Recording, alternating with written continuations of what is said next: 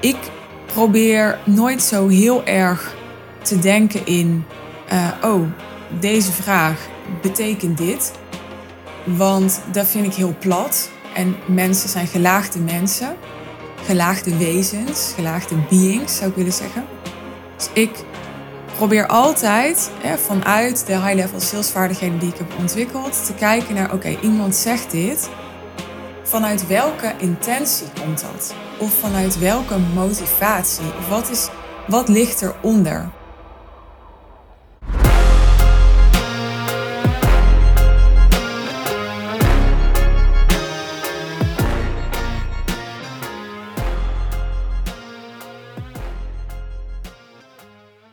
Dit is aflevering 2 van mijn uh, drie luik rondom uh, salesvraagstukken.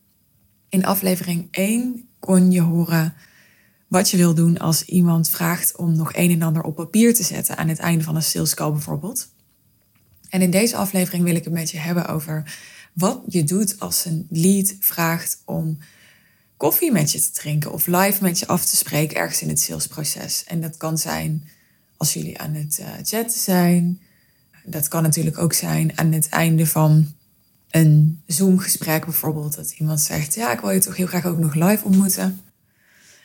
Maar het meest voorkomend, het meest krijg ik deze vraag van klanten in een situatie waarbij ze ja, in contact zijn, de relatie aan het bouwen zijn met een lead. En dan op een gegeven moment komt dat moment van, ja, zullen we anders eh, binnenkort een keer een koffie doen en de welbekende uitspraak volgt dan vaak ook kijken wat we voor elkaar kunnen betekenen. Maar om maar gelijk met de deur in huis te vallen, dat hoeft natuurlijk niet. Hè? Dus er kunnen allerlei verschillende contexten en situaties zijn waarin iemand zo'n voorstel doet. Dat betekent ook dat mijn advies op het moment dat jij met zo'n vraagstuk te maken hebt altijd persoonlijk is.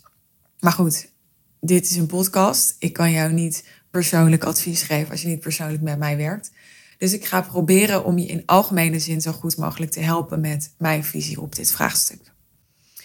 Nou, of je nou dit salesvraagstuk hebt of een andere, de mate waarin je ja, überhaupt energie wil steken in een lead, ik vind het toch belangrijk om daarmee te beginnen. En ik zeg het misschien op deze manier een beetje bot, maar goed, ik zeg het maar even zoals het is. Wordt uiteraard, zou ik willen zeggen, bepaald door uh, de kwaliteit ervan en de waarde ervan. Er zit een verschil in waarde of jij een aanbod hebt of wil doen van 5 of 10.000 euro of 15.000 euro. Of dat je een aanbod wil doen van 100, 200, 300.000 euro. Dus de, de tijd en de energie die je kunt en wilt spenderen aan een lead neemt uiteraard toe naarmate de waarde ervan, de gemiddelde klantwaarde ervan, maar ook de kansrijkheid van zo'n lead toeneemt. Nou, uiteraard, zoals ik net al zei, is de prijs die jij vraagt voor je aanbod daarbij een factor. Maar een andere factor is, ik noem dit al, de kansrijkheid. Dus je wil eigenlijk altijd ja, beoordelen of afwegen wanneer je in contact bent met een lead in hoeverre die persoon passend is bij je. Dus passend is bij de klant die je het allerbest kan helpen. Uh, maar het gaat niet alleen over helpen. Een, een lead is alleen gekwalificeerd als die ook redelijkerwijs bereid is en in staat is om te investeren. Dan is er nog zoiets als je kan iemand heel goed willen helpen. Iemand kan heel goed in staat zijn om te investeren. Maar iemand moet ook nog in staat zijn om ja, binnen redelijke termijn, liefst uiteraard zo snel mogelijk, hele goede resultaten te kunnen halen met jouw adviezen, met jouw ideeën, met jouw begeleiding. En al die factoren bepalen hoe waardevol zo'n lead is voor jou. Dus dat is belangrijk om altijd bij stil te staan en heel vaak als klanten van mij bij mij komen en zeggen ja, ik had drie gesprekken en uh, het was alle drie een nee dan begin ik met de vraag te stellen: oké, maar waren die mensen die je hebt gesproken wel gekwalificeerde leads? En regelmatig is het antwoord dan: nou, nee, eigenlijk niet. En dan ja, waren er andere redenen waarom iemand toch in gesprek is gegaan. Dat kan om allerlei redenen verleidelijk zijn. Hoeft ook niet altijd slecht te zijn. Het is soms ook gewoon fijn om ehm, met iemand te praten, om gewoon eens te onderzoeken of iemand een interessante lead voor je is. Om in een, een flow te komen, in een ritme te komen van salescalls doen, om, om te oefenen met iets wat je wil oefenen in salescalls. Dus er kunnen redenen zijn waarom je toch zo'n gesprek wil voeren. Maar als je eerlijk tegen jezelf moet zeggen dat degene met wie je sprak geen gekwalificeerde lead voor je is, ja, dan kan je eigenlijk ook niet ja, echt representatief, zou ik willen zeggen, durven dat zo iemand een nee is geworden. Want het was eigenlijk dus al een nee voordat je überhaupt met elkaar in gesprek ging. Want die persoon was eigenlijk niet helemaal een goede fit voor jou en jouw aanbod. Nou, tot zover dat het belangrijk is om die waarde goed in oogschouw te hebben wanneer je ja, bepaalt wat je wilt en kunt en gaat doen voor en met een lead. Dan zijn er natuurlijk heel veel intenties waarmee iemand de vraag kan stellen of je koffie wil drinken. Kijk, het kan zijn dat iemand al heel warm is, je al lange tijd volgt, echt op het punt staat om een grote investering bij je te doen, maar het heel fijn zou vinden en er een laatste beetje vertrouwen uit zou ontlenen om jou live te ontmoeten. En dan kan het heel erg legitiem zijn om dat verzoek te honoreren. En het kan voor jezelf ook prettig zijn soms om als je echt een, een groot commitment aangaat met zo'n klant, om zo iemand ook zelf live ontmoet te hebben en te weten, meer gevoel te krijgen bij met wie je zaken gaat doen. In de meeste gevallen is het zo dat mensen die vraag stellen vanuit een plek waarop ze verbinding met je voelen, gelijkwaardigheid met je voelen. Ik vind dat positieve termen. Maar je voelt het misschien al aankomen. Meer ja, naar je kijken als een, een buddy of als een collega of als een ja, naaste ondernemer dan als een autoriteit of een expert of een leider. Ik geef wel eens het voorbeeld, ja, zou iemand dezelfde vraag hebben gesteld als die aan het chatten was met Tony Robbins? dus er zijn mensen waaraan je zo'n vraag niet zou stellen, waarschijnlijk. Omdat je dat misschien wel niet eens durft.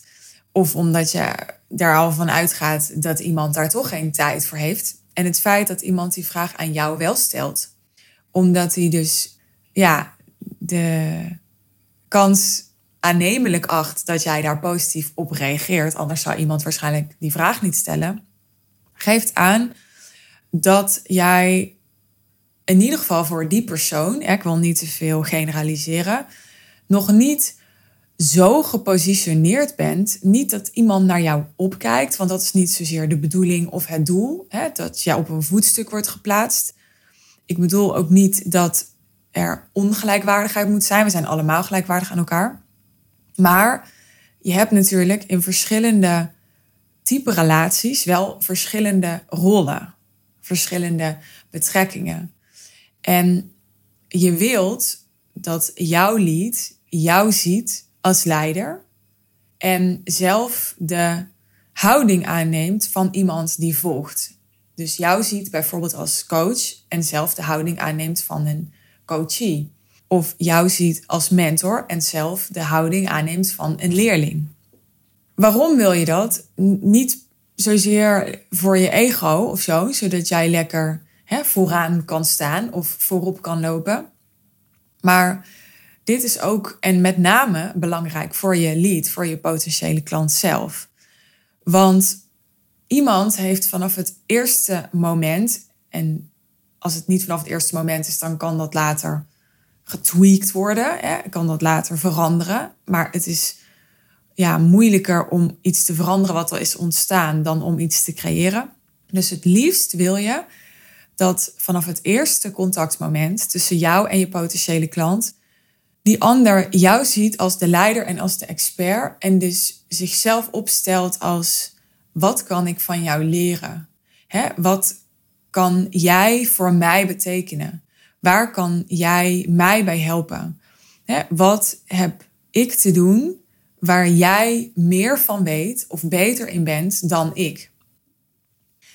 En als dat het uitgangspunt is, dan komt de vraag: hè, zullen we een keer koffie drinken? Want misschien kunnen we wat voor elkaar betekenen. Die komt dan over het algemeen niet. Dan komt hooguit de vraag: zullen we een keer koffie drinken? Want ik zou het interessant vinden om te horen wat je voor mij of voor ons kunt doen. Maar ook dat, ook in de situatie waarbij iemand dat laatste voorstelt en die laatste tekst gebruikt, neemt die lead, neemt jouw potentiële klant nog de regie. Want hij of zij doet het voorstel. En wat je liefst wil in het hele salesproces is dat jij de regie hebt en dat jij leidt en dat die ander dus volgt. En dat jij dus ook voorstelt om contact te hebben of om het contact intiemer te maken. Dus om bijvoorbeeld van een chatgesprek naar een Zoom-call te gaan. Dat jij ook aangeeft wanneer dat kan. Dat jij ook aangeeft hoe de voorbereiding van dat gesprek eruit ziet. Dus dat jij eigenlijk continu de volgende stap bepaalt. Dat betekent natuurlijk niet dat die ander niet kan aangeven, want dat is juist wat we graag willen als ondernemers. Dat hij of zij behoefte heeft aan een gesprek of dat hij of zij interesse heeft in een gesprek. We vinden het alleen maar super fijn als mensen al zo warm zijn dat het uit hen zelf komt dat ze zeggen: Oké, ik ben klaar voor een volgende stap met jou. Alleen iemand kan iets vanuit eigen behoefte aangeven, wat iets heel anders is dan dat iemand zelf het voortouw neemt of zelfs behoefte heeft om het gesprek of de voortgang van het salesproces te regisseren, uh, te controleren of um, ja, zelfs te veranderen. Dus zelfs eigenlijk wat jij voorstelt en uh, wat jij verwacht, niet te respecteren en dat te overrulen. Nou, daar gaat het nu niet over in deze aflevering. Hè? Dus ik wil niet te ver afwijken, want zoals je wellicht weet, ik kan echt dagen over high-level sales praten. Dat is een van mijn lievelingsonderwerpen. Dus ik probeer het nu even te houden bij deze vraag. Wat doe je als een lead koffie wil drinken? Nou, ik probeer nooit zo heel erg te denken in, uh, oh, deze vraag betekent dit. Want dat vind ik heel plat. En mensen zijn gelaagde mensen, gelaagde wezens, gelaagde beings zou ik willen zeggen. Dus ik probeer altijd hè, vanuit de high-level salesvaardigheden die ik heb ontwikkeld te kijken naar, oké, iemand zegt dit. Vanuit welke intentie komt dat? Of vanuit welke motivatie? Of wat, is, wat ligt eronder? Dus ik probeer niet te snel een conclusie te trekken, maar ik probeer dus af te wegen en te onderzoeken hoe waardevol en interessant is deze lead voor mij? Wat is de reden dat iemand dit voorstelt? Is het een gebrek aan vertrouwen? Is het een behoefte aan controle? Is het um, gewenning of gewoonte dat iemand uit een cultuur komt waarbij die niet anders weet dan dat er live ontmoetingen zijn? En vanuit daar ga ik verder bepalen wat ik dan wil doen. Hè? En wat ik dan het beste kan doen. En hoe ik het beste iemand verder kan leiden. Want daar gaat het dus om dat ik de regie pak of herpak als ik het gevoel heb dat ik die verloren ben in het gesprek. En dat ik weer ga leiden. En leiden betekent voor mij niet dat ik ga proberen dat die ander exact gaat doen wat ik wil. dus ik wil een Zoom-call en ik ga proberen die ander daar te krijgen. Nee, leiden betekent delen en uitleggen wat volgens jou de, de beste stap is, nu in het belang is van je potentiële klant. En, en dat, ja, dat initiëren. En dan anticiperen op, op, nou, anticiperen is misschien niet het goede woord, maar, maar goed kijken en aanvoelen hoe die ander daarop reageert, wat het met die ander doet. En dan vervolgens weer reageren. Dus in een soort actie-reactie continu kijken naar wat gebeurt er bij die ander? Hoe kan ik dat interpreteren? Wat vind ik daarvan? Maar belangrijker nog, wat wil ik daarmee? Want het gaat niet zo over jouw mening, maar het gaat wel over wat vraagt de reactie of de houding van die ander van jou. En dan daar weer op reageren.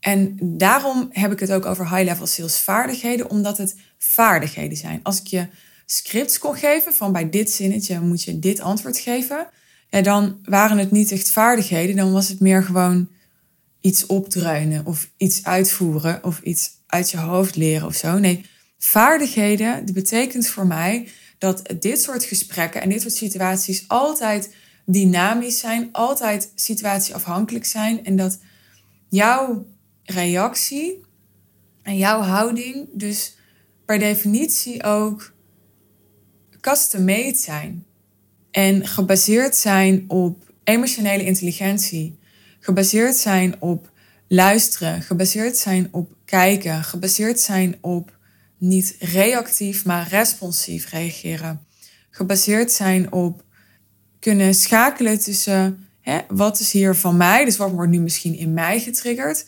en wat gaat over die ander en hoe kan ik, hè, wat, wat heb ik nu in dit moment nodig om mijn eigen trigger niet mee te nemen in deze dynamiek, maar er echt voor die ander te zijn. Want dat ben je als verkoper. Je bent er om die ander bij zijn of haar beslissingsproces te begeleiden. Dat vraagt vaardigheden. En dat is iets waar ik uh, doorlopen met mijn klanten aan werk.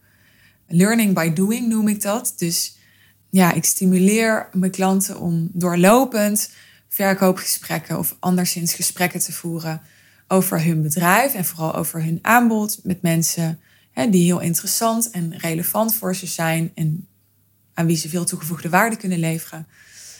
En ja, die gesprekken analyseer en evalueer ik met liefde met hen niet voor de sake of evaluatie of analyse, maar met als doel om goed te leren kijken naar wat gebeurt hier nou? In welke dynamiek zit jij nou?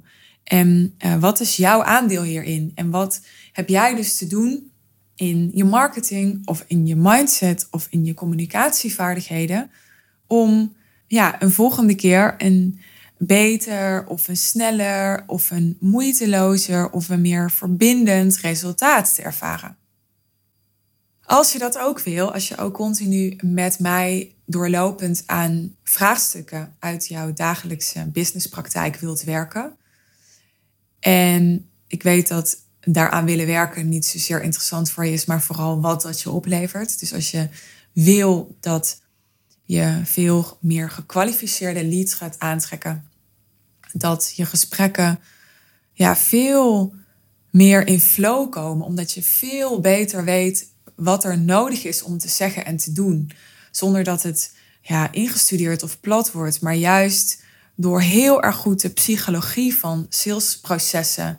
En dan heb ik het echt over high-level salesprocessen. Dus salesgesprekken en salesprocessen over een high-end aanbod.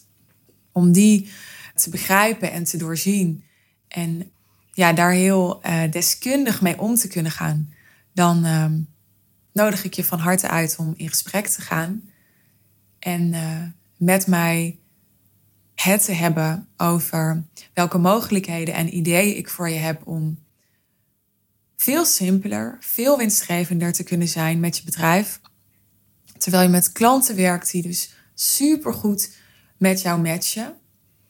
En ja, met wie je niet alleen een, een heerlijk salesproces hebt, maar vooral ook een heerlijke samenwerking. Waarbij iemand hele goede resultaten haalt. Je daar heel veel voldoening van hebt je daardoor hele goede klantcasussen opbouwt, die weer heel interessant zijn voor je marketing. En zo maak je de, de positieve spiraal eigenlijk steeds vloeiender en gaat die steeds sneller omhoog. Dat is wat ik voor je wil.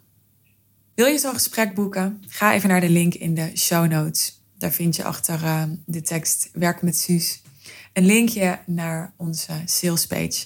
En daar uh, boek je een gesprek. Ik kijk er naar uit om van je te horen. Wil je nog reageren op deze aflevering? Dat kan. Je kunt mij bereiken via een DM op Instagram of op LinkedIn. Je kunt ons ook altijd per mail bereiken. Ons e-mailadres is hello@suzannevanschuik.nl. En ben je heel blij met deze podcast en is die waardevol voor je? Vergeet dan niet je te abonneren op mijn podcastkanaal via iTunes of dit kanaal te volgen op Spotify. En als je me 5 sterren wilt geven, fantastisch, dankjewel. Voor nu een mooie dag En tot aflevering 3 van het drieluik. Dan gaan we het hebben over hoe je een payment plan, dus een, een niet zozeer een betalingsregeling als iemand niet betaalt, maar dan bedoel ik een betaling in termijnen, afspraak over een betaling in termijnen, wel en niet wilt aanbieden aan klanten. Dus is dat interessant voor je? Stay tuned en luister naar de volgende aflevering. Bye bye.